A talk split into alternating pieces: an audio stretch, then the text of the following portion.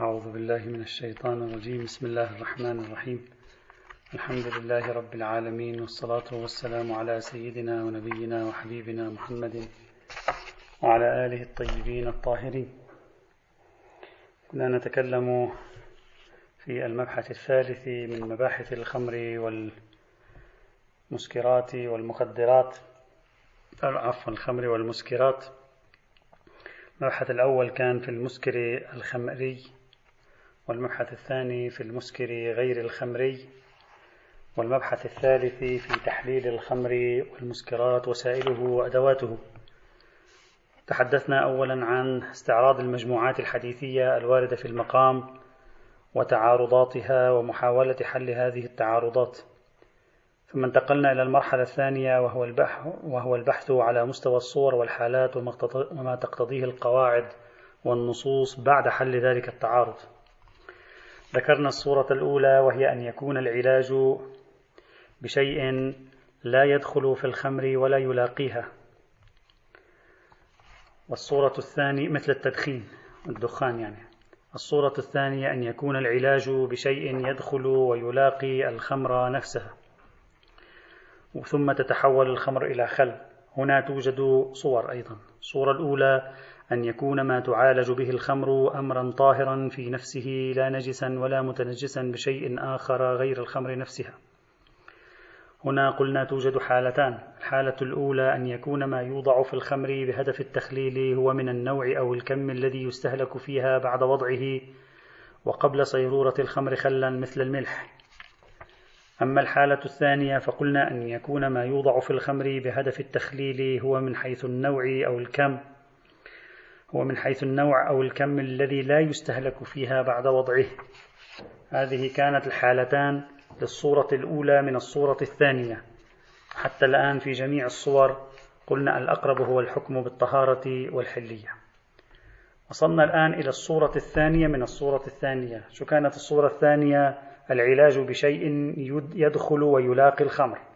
صورة الأولى فيه أن يكون ما يعالج به الخمر أمرا طاهرا في نفسه. لا نجسا ولا متنجسا بشيء آخر. الآن الصورة الثانية. أن يكون ما تعالج به الخمر شيئا نجسا أو متنجسا من قبل بغير الخمر نفسها التي تعالج به. يعني أنا مثلا آتي بأمر نجس آتي بملح نجس آتي ببصل متنجس فأضعه في داخل الخمر فيقوم بتنجيس فأضعه في داخل الخمر ثم بعد ذلك تنقلب الخمر خلا. البصل تنجس قبل أن يلاقي الخمر لا أنه تنجس بالخمر.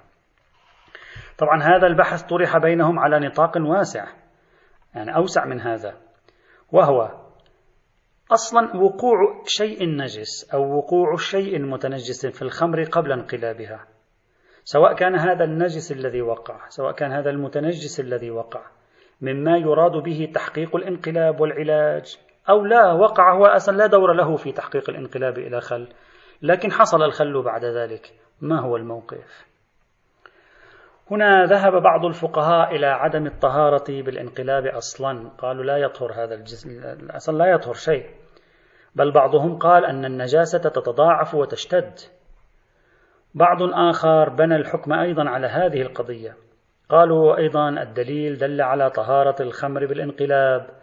بارتفاع نجاستها الأصلية.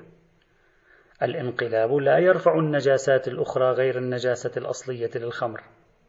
والدليل دل على ارتفاع حرمة الخمر بالانقلاب ولم يدل على ارتفاع حرمة غير الخمر بالانقلاب الخمر إلى خل. بل أكثر من ذلك السيد محسن الحكيم قال مقتضى الاستصحاب هو بقاء النجاسة بعد عدم الدليل على الطهارة في غير الخمر لو انقلبت. الخمر لو انقلبت عندنا دليل على طهارتها بالانقلاب. أما هذا الشيء الذي وضع في الخمر وكان نجسا أو متنجسا لا دليل على طهارته بالانقلاب فنستصحب النجاسة. طبعا في مقابل هذا الرأي الأحناف ذهبوا إلى الطهارة بالانقلاب لو أزيلت عين النجاسة من الخمر قبل حصول الانقلاب وفي الوقت عينه قالوا إن العصير العنبي لو تنجس ثم صار خمرا ثم انقلب خلا لم يطهر. هذا من آرائهم الموجودة أيضا. إذا الرأي السائد بينهم أنه في هذه الحال الانقلاب لا يحل المشكلة. نعم الانقلاب يحل نجاسة الخمر بما هو خمر. حرمة الخمر بما هي خمر. أما غير ذلك لا يحل الانقلاب. فهذا الجسم الذي وضع متنجسا أو هو عين نجاسة وضع في داخل الخمر ثم انقلبت الخمر خلا. هذا لا يغير من واقع الأمر شيء بالعكس. ما زال نجسا ما زال متنجسا. نجس الخل أيضا. تعقدت القضية. السيد الخوئي أشكل هنا في هذا المقام. قال أولا لا معنى لأن نقول النجاسات العينية تتضاعف وتشتد. لو وقع بول على غائط لا تشتد نجاسة الغائط تبقى كما هي. طبعا بعد الفرض أن عين النجاسة البول ذهبت. فقول بعضهم بأن النجاسة تشتد هنا لا معنى يعني نجاسة في نجاسة اشتدت النجاسة. يعني نجاسة وقعت في نجاسة وهي الخمر صارت النجاسة شديدة مضاعفة. يقول سيد الخوي ما عندنا فكرة اشتداد النجاسة لا معنى لها أصلا. هذا أولا. ثانيا طبعا هذا الأول إشكال فرعي. ثانيا سيد الخوي قال نحن نتمسك بإطلاقات النصوص هنا. النصوص دلت على طهارة الخمر بالانقلاب مطلقا. سواء لاقتها نجاسة ولو كانت هذه النجاسة يد الكافر مثلا وهو يقوم بالتخليل أو لا. يعني الروايات قالت الخمر إذا انقلبت خلا طهرت. هذه خمر انقلبت خلا طهرت. انتهى الموضوع. طهرت مطلقا. طهرت من النجاسة الذاتية طهرت من النجاسة العرضية أيضا. فقط في يوجد شرط واحد أن الإناء لا يتنجس. الإناء لا يتنجس وإلا الإناء إذا كان متنجسا نجس الخل.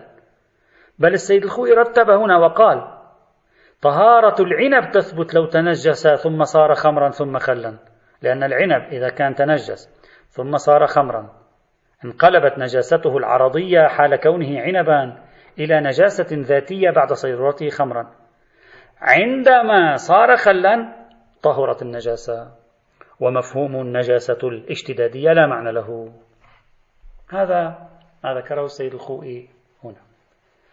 التحقيق في هذه المسألة فيما يبدو لي والله العالم أن نقول تارة نبني على طهارة الخمر وأخرى نبني على نجاسة الخمر. إذا قلنا بأن الخمر في حد نفسها طاهرة في هذه الحال لا موجب للحكم بالانقلاب. لا موجب لنا لأن نحكم بالحلية بالانقلاب. الخمر لا تصبح حلالا بالانقلاب إذا بنينا على طهارة الخمر. لماذا؟ لأن الحلية التي يعطيها الانقلاب ناظرة إلى جانب الحرمة الخمرية في الخمر. لا إلى جانب تنجس الخمر المفروض أنها طاهرة ذاتا. لا إلى جانب تنجس الخمر بنجاسة عرضية. الانقلاب يحلل الخمر من حيث هي خمر مسكر. فلو كانت متنجسة وقلنا بحرمة تناول المتنجس أدلة الانقلاب الخاصة لا توجب طهارتها. تبقى يبقى هذا خمر صار حلالا من حيث الخمرية وهو حرام من حيث كونه متنجسا. يبقى متنجسا فيكون محرما من حيث النجاسة لا من حيث الخمرية. طيب. أما ما ذكره السيد الخوي من أننا نتمسك بإطلاق النصوص الحق والإنصاف أن النصوص هنا ليست مطلقة وشاملة لحال النجاسة العرضية. صحيح الكافر ممكن أحيانا هو يمارس التخليل بناء على نجاسة الكافر. لكنه لا يحرز أن تخليل الكافر أمر غالبي. أغلب الناس هي تخلل أصلا. أغلب الناس هي تخلل. في بيوتها المسلمون يخللون أيضا؟ النصوص نصوص الانقلاب. ناظرة إلى أصال أصل ناظرة إلى جذر حالة الانقلاب. أصل أن الانقلاب يحلل الخمر. المفروض أن الخمر بينين الآن أنها طاهرة في نفسها. أصل أن الانقلاب يحلل الخمر من حيث هي خمر مسكرة. ليست نصوص الانقلاب ناظرة إلى تمام الزوايا والطوارئ العارضة على الخمر فتحللها بالانقلاب. أصلا ما معلوم أن تكون في مقام البيان من هذه الناحية. لأن هذه النواح ليست غالبة ليست كثيرة. ليست ناظرة إلى هذا.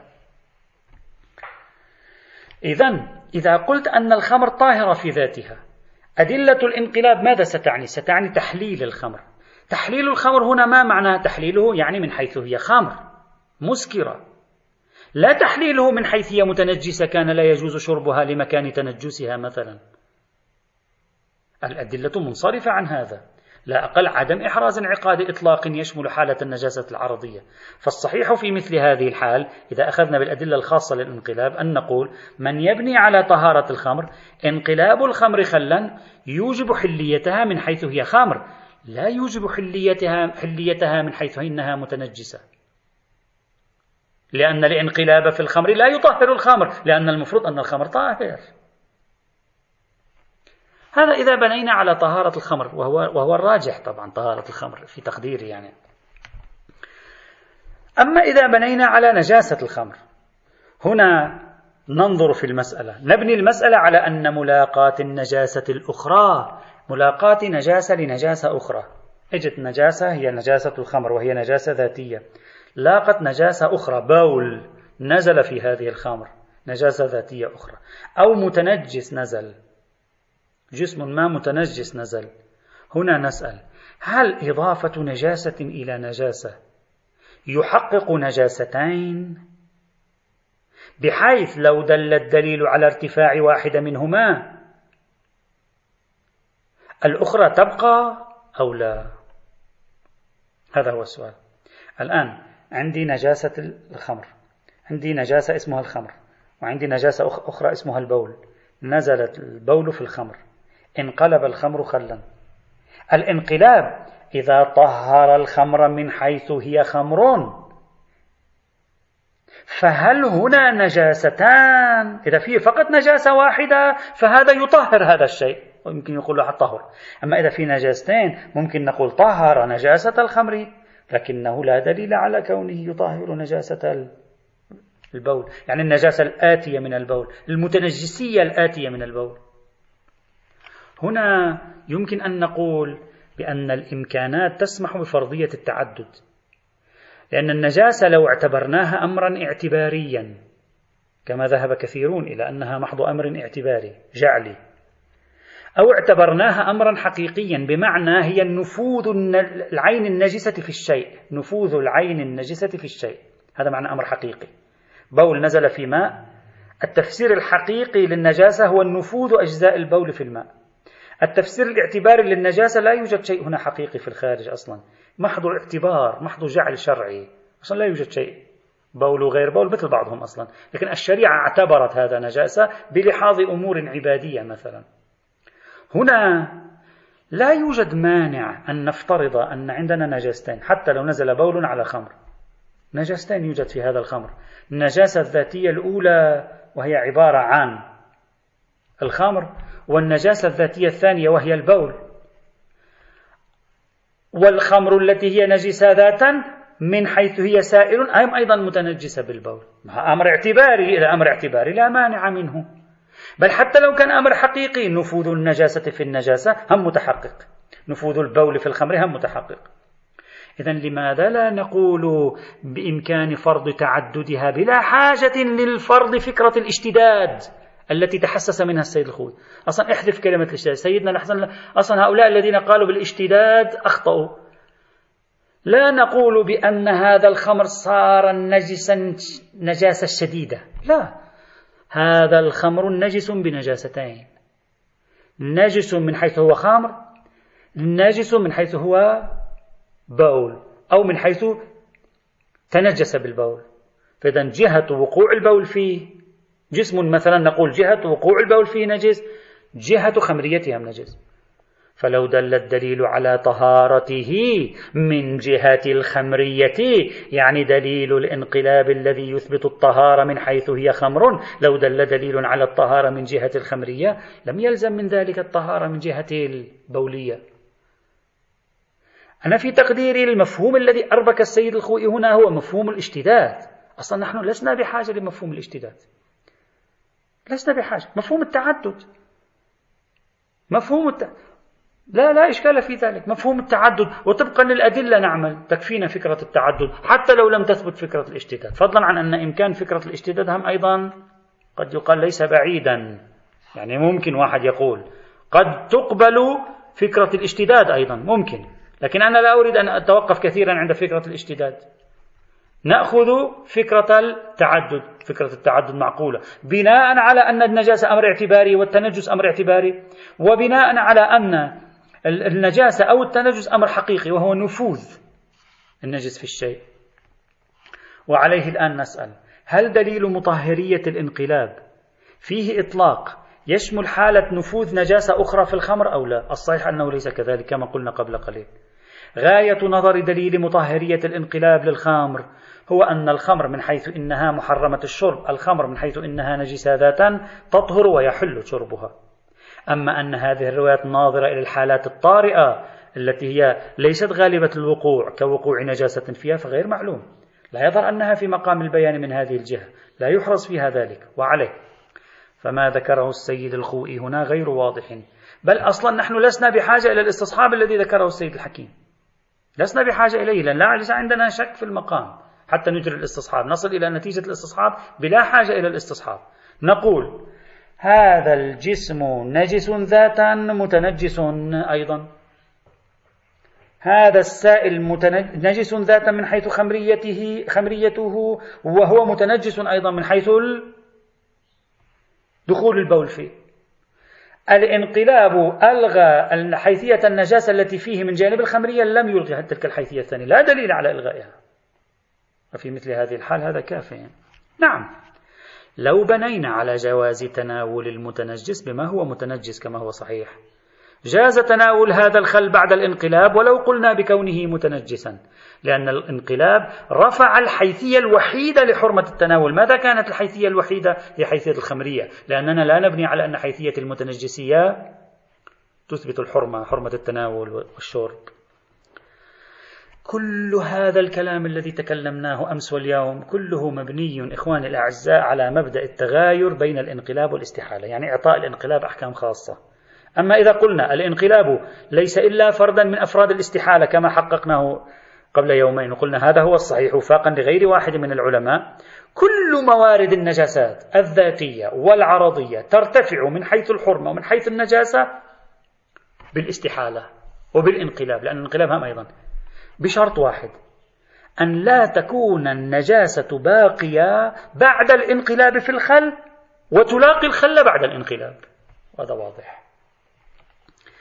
والأقرب كون الانقلاب فردا من أفراد الاستحالة كما قلنا فكل هذه الفروع التي مرت معنا كل هذه الفروع التي مرت معنا ترتفع فيها النجاسة والحرمة بالانقلاب فضلا عن أي شكل آخر من أشكال الاستحالة النقطة الرابعة أو البحث الرابع والأخير من مباحث تحليل من مباحث تحليل الخمر والمسكرات. النقطة الأولى كانت معنى الانقلاب والفرق بينه وبين الاستحالة إذا الإخوة يذكرون. النقطة الثانية كانت أصل محللية انقلاب الخمر خلا. هذا ذكرنا له ثلاثة أدلة متعاضدة. النقطة الثالثة دائرة محللية الانقلاب ومطهريته. في النقطة الثالثة توجد عدة محاور المحور الأول الشيء المنقلب أو عموم الحكم للعصائر والأنبذة المحور الثاني في الشيء المنقلب إليه أو عموم الحكم لغير الخل المحور الثالث في أسباب الانقلاب وأنواعه.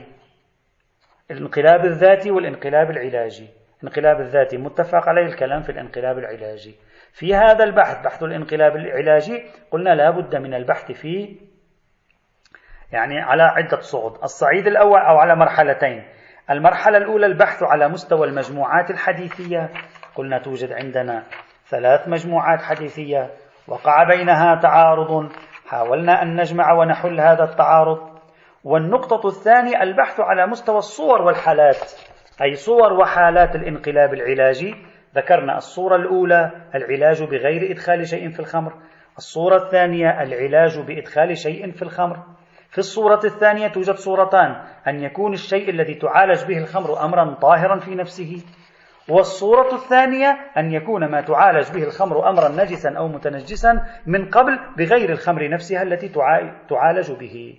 ذكرنا هذا بأكمله وقلنا النتيجة في كل صور الانقلاب التي يتحصل فيها تغير الهوية عرفا أي هي من مصادق الاستحالة. على جميع الأصعدة تحدث الحلية بزوال عنوان الخمر وعنوان المسكرية وكذلك تحدث الطهارة. كما قلنا نتيجة قانون الاستحالة. والانقلاب ليس له حكمه الخاص الاستثنائي في المقام عدا بعض الإشارات المرتبطة بالإناء وهذه ليست خاصة بالانقلاب أصلا.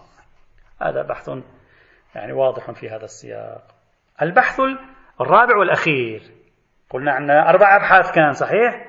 البحث الأول معنى الانقلاب. البحث الثاني أصل المحللية. البحث الثالث دائرة الانقلاب وفروعات دائرة الانقلاب. البحث الرابع بين الانقلاب والاستهلاك. لو وقعت خمر في خل وكانت هذه الخمر بمقدار قليل استهلكت في الخل. راحت أصلا الخمر هذه ذابت في الخل انتهت. بعض الفقهاء قال هنا ما لم يحصل الانقلاب نحكم بالحرمة. ما دام لم يكن هناك انقلاب خمرها لاحظوا وقعت في خل. الخمر كانت بمقدار قليل. الخمر استهلكت في الخل. قالوا الخمر التي في الخل حرام ما لم يحصل الانقلاب. تمسك باستصحاب الحرمة.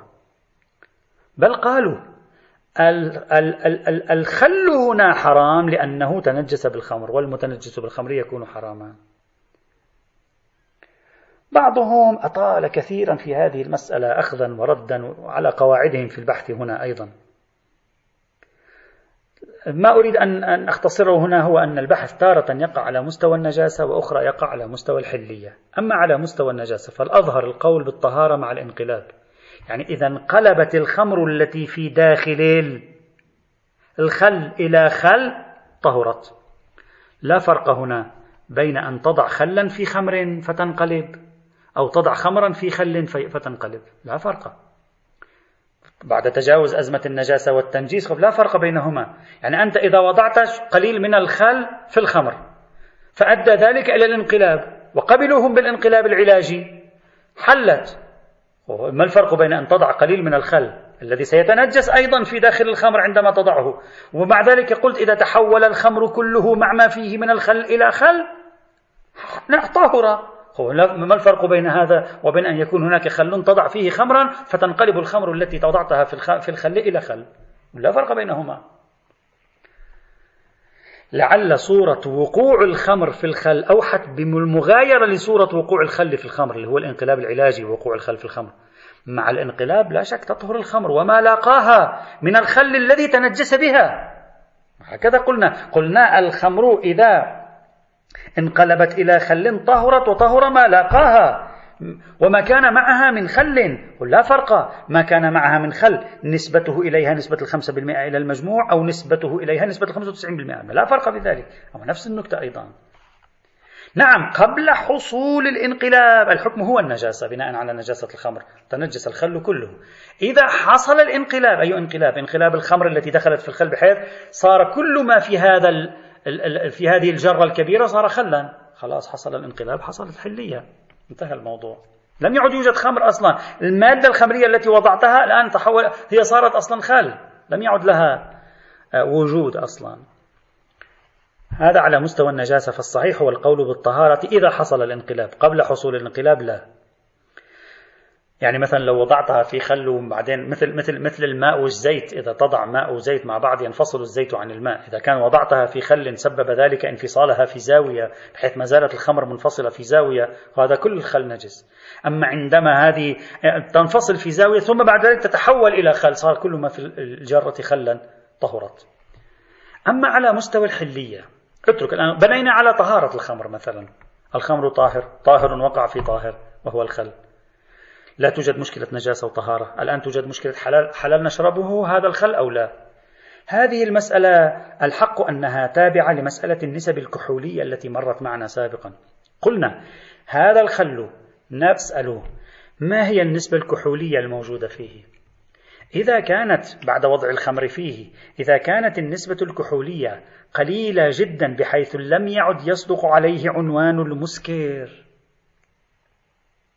يعني لا يصدق عليه عنوان المسكر والمفروض أن الخمر غير منفصلة لوحدها.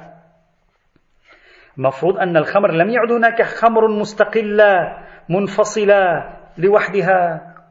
هنا في مثل هذه الحال نلتزم بحلية. يعني الخمر التي نزلت في الخل إذا أخذنا عينة من هذا الخل الذي اندكت فيه الخمر.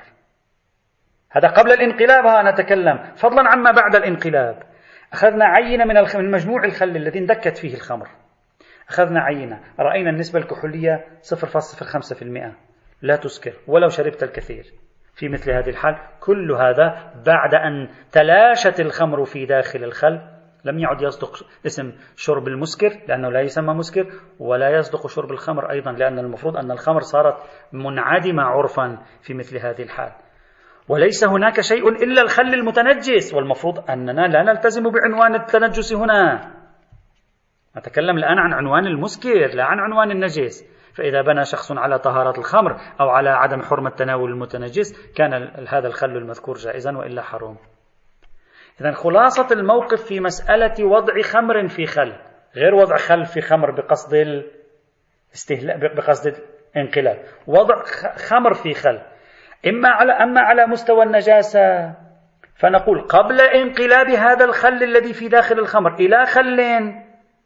وقلنا بنجاسة الخمر هذا الخمر نجس والخل كله متنجس. بعد انقلاب الخمر إلى خال وهو في داخل هذا الخال بالانقلاب يطهر الخمر وما اتصل به. لا فرق بين وضع الخمر في الخل وحصول الانقلاب أو وضع الخل في الخمر وحصول الانقلاب كما هذا طهر هذا أيضا يطهر؟ واحد أصلا هما بالنظر العرفي والعقلائي هذا على مستوى النجاسة والطهر. مستوى الحلية قلنا المسألة تابعة لي. من جهة عدم تجوهر الخمر وانفصال الخمر. إذا انفصل الخمر وأنت تشرب الوحدة. مثلا الخمر جاء على إلى الأعلى. وهذا لا يجوز. هذا بحثناه سابقا. هذا أولا وثانيا النسبة الكحولية للمجموع. إذا النسبة الكحولية لا يصدق عليه عنوان المسكر يكون حلالا في مثل هذه الحال. هذه ثلاثة بحوث بحثناها في مسألة الخمر والمسكرات. النتائج التي توصلنا إليها الآن إلى الآن منذ أول بحث الخمر والمسكرات أربع نتائج عامة كلية. النتيجة الأولى الخمر بالمعنى الأخص وكذلك الخمر بالمعنى الأعم اللي هي كل مسكر. حرام مطلقا سكر الإنسان بشربه أم لم يسكر؟ قليله وكثيره. اثنين النبيذ والفقاع والعصير العنبي المغلي والعصير الزبيبي والعصير التمري وعصير الحصرم وغير ذلك من العصائر والمشروبات المغلية وغير المغلية. طبعا المغلية لا بنفسها يعني. إنما تحرم إذا صدق عليها عنوان المسكر. نعم الاحتياط واجب احترازي. لو احتملنا صيرورتها مسكرة احتمالا عقلائيا معتدا به ولم يحصل لنا التبين بحيث كان أمرا مريبا. هنا في مثل هذه الحال نلتزم بالحكم التحفظي هذا ما لم ينكشف لنا الأمر. ثالثا العبرة بالتحريم ليس اسم العصير العنب المغلي ولا الفقاع ولا نحوهما ولا البيرة ولا أي اسم من هذه الأسماء. العبرة أيضا ليس أصل وجود كحول في المادة المشروبة أو المأكولة بل العبرة بالنسبة الكحولية الموجودة الموجبة لصدق عنوان المسكر عليه عرفا ولو بإسكار خفيف. هذه النتيجة الثالثة توصلنا إليها النتيجة الرابعة. الخمر وتمام المسكرات تصبح حلالا بتحولها إلى هوية نوعية مغايرة عرفا. متى يتحقق هذا؟ هذا يتحقق أيضا عند زوال طاقة الإسكار مطلقا فيه ولو, ولو الخفيف. بزوال طاقة الإسكار تزول عن اسم الخمر عرفا. بزوال طاقة الإسكار لم يعد اسمها مسكرا.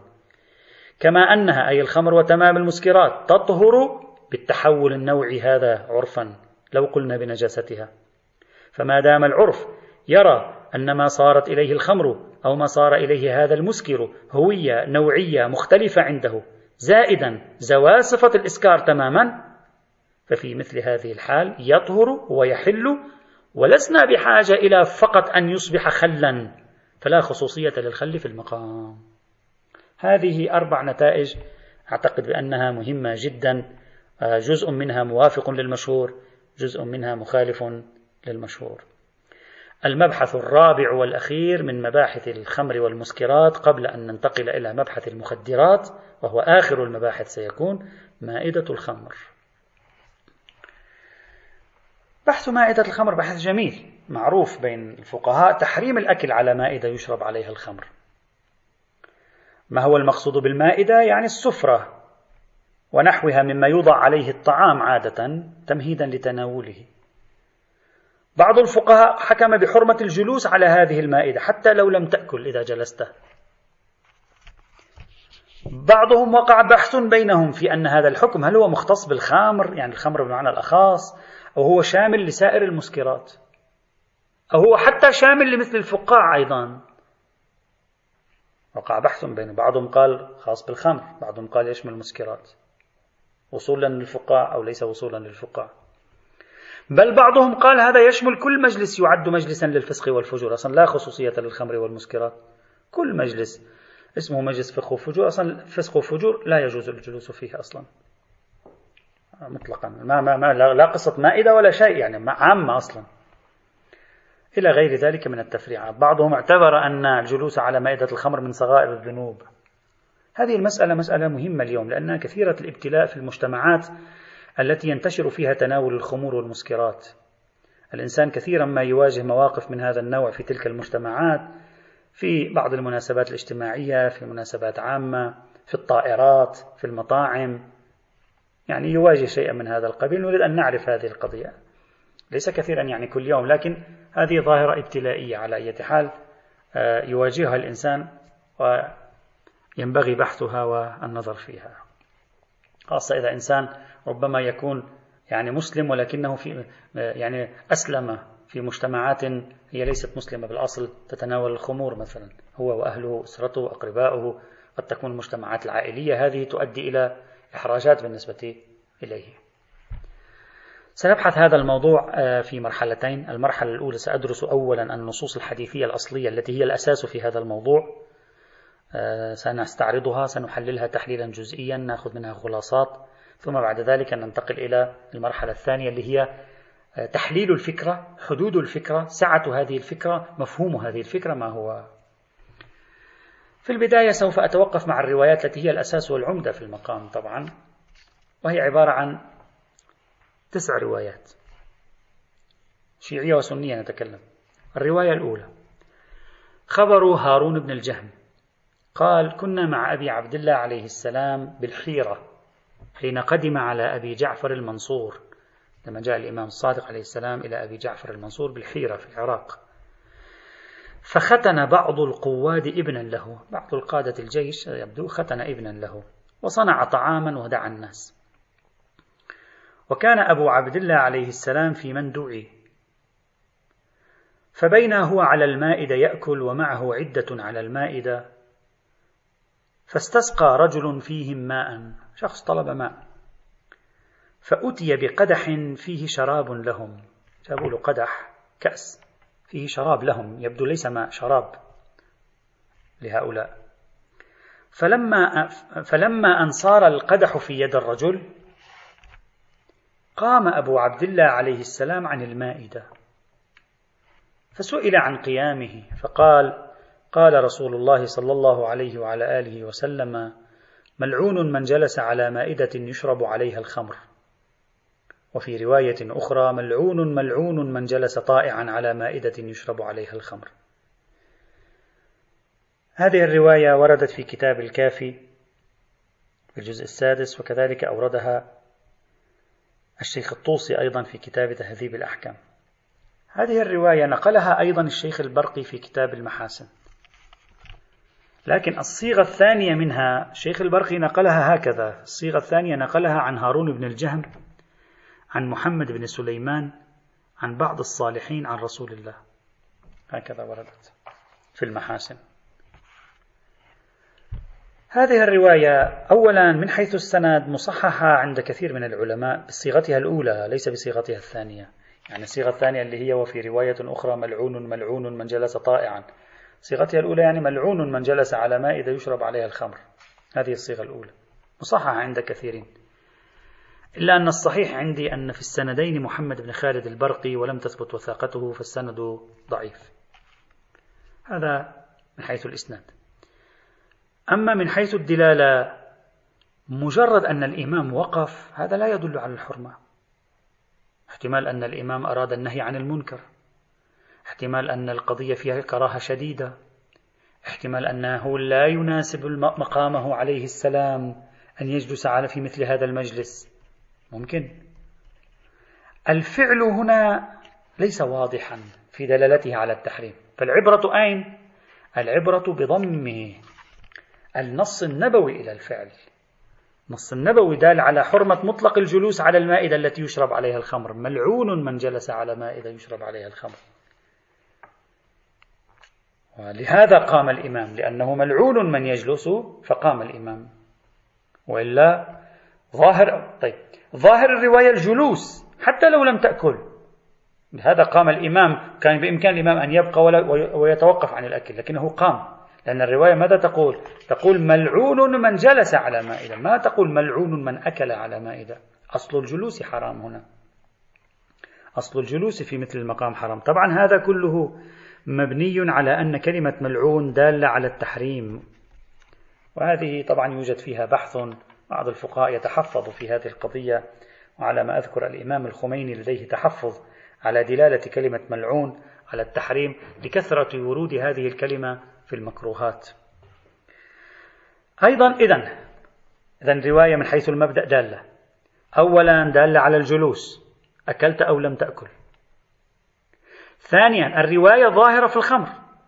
لا تشير إلى المسكرات ولا إلى غير ذلك من المحرمات ومجالس الفسق والفجور. حتى نعممها لا بد لنا أن نرفع خصوصية الخمر بالمعنى الأخص لنثبت خصوصية الخمر بالمعنى الأعم. لعل هذا ممكن عرفا. طبعا سيأتي بحثها. لعل هذا ممكن جدا عرفا. أما أن نرفع خصوصية الخمر والمسكر لإثبات شمول الحكم لمطلق مجالس المحرمات هذا يحتاج إلى قرينة. سيأتي إن شاء الله البحث. فإذا الرواية الأولى من حيث الإسناد ضعيفة ومن حيث الدلالة فيها دلالة أولية وفيما بعد سوف نتكلم عن سعة دلالتها لاحقا. طبعا هذا كله بناء على أن كلمة ملعون أي مطرود مبعد دالة على تحريم. الرواية الثانية خبر جراح المدائن. وهذه الرواية وردت أيضا في مصادر أهل السنة بالسند إلى أبي هريرة. عن الرسول صلى الله عليه وسلم. خبر جراح المدائن عن أبي عبد الله عليه السلام قال قال رسول الله صلى الله عليه وعلى آله وسلم من كان يؤمن بالله واليوم الآخر فلا يأكل على مائدة يشرب عليها الخمر. هذه الرواية أما من حيث السند ضعيفة بعدم ثبوت وثاقة جراح المدائن. عمدة الوجه في إثبات وثاقة هذا الرجل ورود اسمه في كامل الزيارات وهو ليس أيضا من المشايخ المباشرين. أيضا في السند يوجد القاسم بن سليمان عمدة الوسائل لتوثيقه ورود اسمه في كامل الزيارات وتفسير القمي وليس هو أيضا من المشايخ المباشرين ومبنى كامل الزيارة تفسير القمي بحثناهما مفصلا في بحث الرجال ولم يثبتا فالخبر ضعيف الإسناد. نعم هذا الخبر ورد مسندا إلى أبي هريرة في كتاب الخصال للشيخ الصدوق. ولكن بسند ضعيف بجهالة عيسى بن يونس وغير أيضا عيسى بن يونس. وورد أيضا في مصادر أهل السنة بسند إلى جابر الأنصاري وهذا السند مصحح. كما رواه أهل السنة عن ابن عباس أيضا بسند ضعفه غير واحد بيحيى بن أبي سليمان المدني. إذا هذا الخبر شيعيا ضعيف الإسناد سنيا في بعض طرقه ضعيف الإسناد في طرق أخرى له صحيح الإسناد. كم طريق لهذا الخبر؟ أربع طرق. طريق الشيعي الأول لجراح المدائني طريق شيعي ثاني لأبي هريرة طريق سني أول لجابر الأنصاري وطريق سني ثان لابن عباس. إذا أربع طرق لهذا الخبر. واحد منها مصح عند أهل السنة والباقي ضعيفة سنيا وشيعيا. هذا من حيث الإسناد.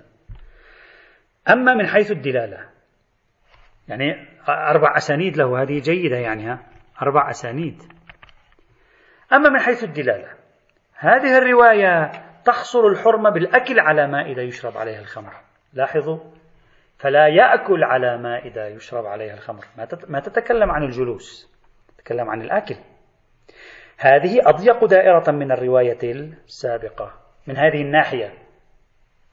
بعدين راح يجي معنا. طيب واحد ممكن يأكل على مائدة يشرب عليها الخمر. أنت تأكل على المائدة لكن لست جالسا واقفا. بعدين راح يجي معنا هذا البحث. ما معنى الجلوس وما معنى الأكل؟ لكن أنا فقط أشير الآن إشارات لأنه القضية شوي راح يصير فيها شوية تفصيلات فيما بعد. إذا هذه الرواية من حيث الدلالة الآن أوليا نتكلم. تحصر الحرمة بالأكل على مائدة يشرب عليها الخمر.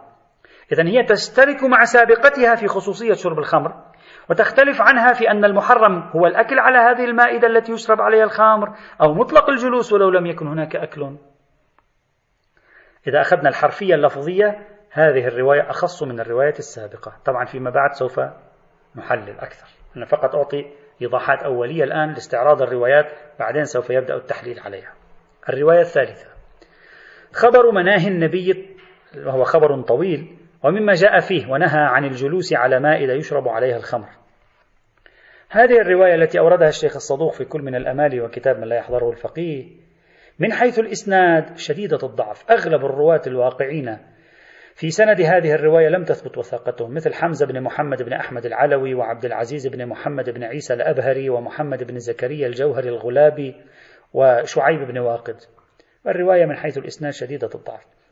لا دليل على أن الشيخ الصدوق أخذ هذه الرواية من كتاب الحسين بن يزيد أبدا لأن الشيخ الصدوق صدر الرواية بشعيب بن واقد في في كتاب من لا يحضره الفقيه وشعيب بن واقد لم تثبت وثاقته أيضا كما قلنا. هذا أولا ثانيا من حيث الدلالة ظاهر هذا الحديث النهي عن مطلق الجلوس على مائدة يصدق أنه يشرب عليها الخمر ونهى عن الجلوس على مائدة يشرب عليها الخمر. إذا هذه الرواية تشبه أي رواية؟ تشبه الرواية الأولى التي تؤكد نفس المضمون. مشكلة هذه الرواية على المستوى الدلالي أننا لو أخذناها لوحدها للاحظنا كما قلنا سابقا وقعت ضمن السياق يعلم فيه بأن النهي لم يكن تحريميا في كثير من أجزائها.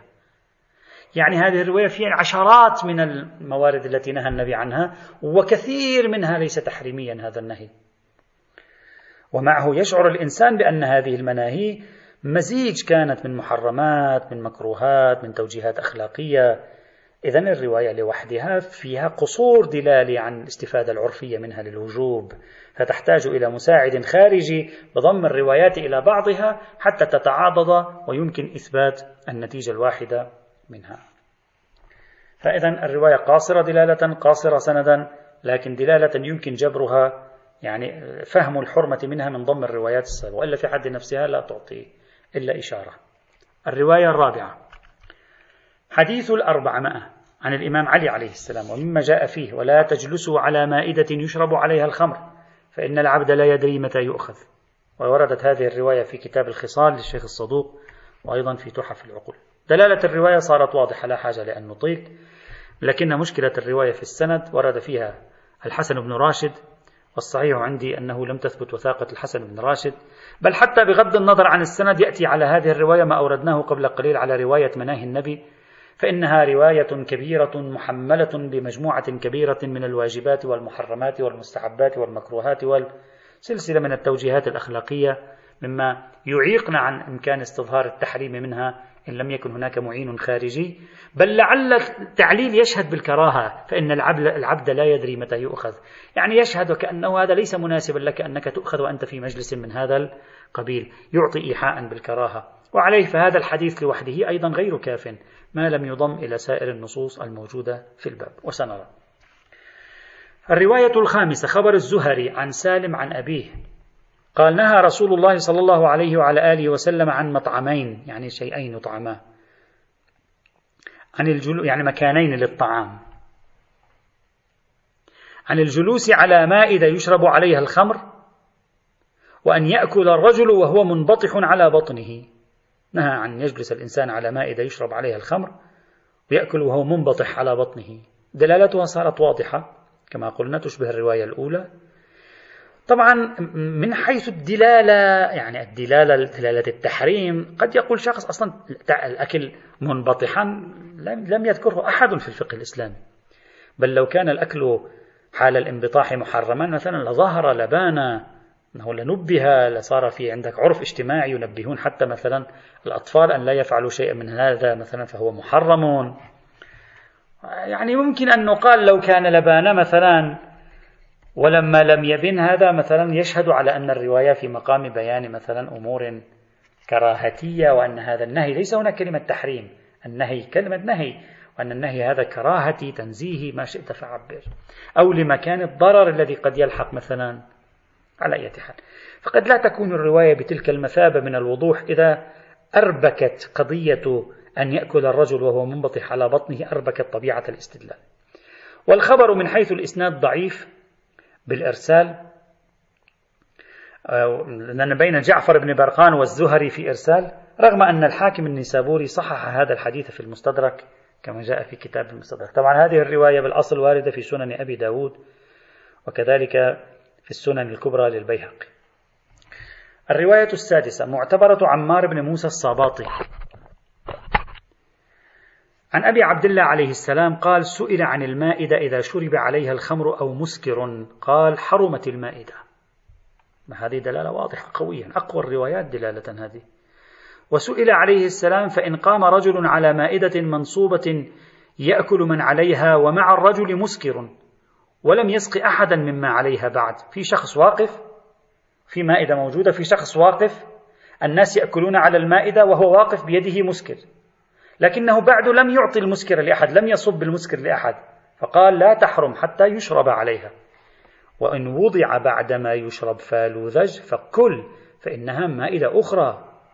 يعني يقول إذا شرب عليها وانتهى ثم بعد أن شرب عليها وضع عليها طعام آخر بإمكانك أن تشرب. خلاص هذه صارت مائدة أخرى. تلك كانت مائدة الخمر هذه لم تعد مائدة الخمر.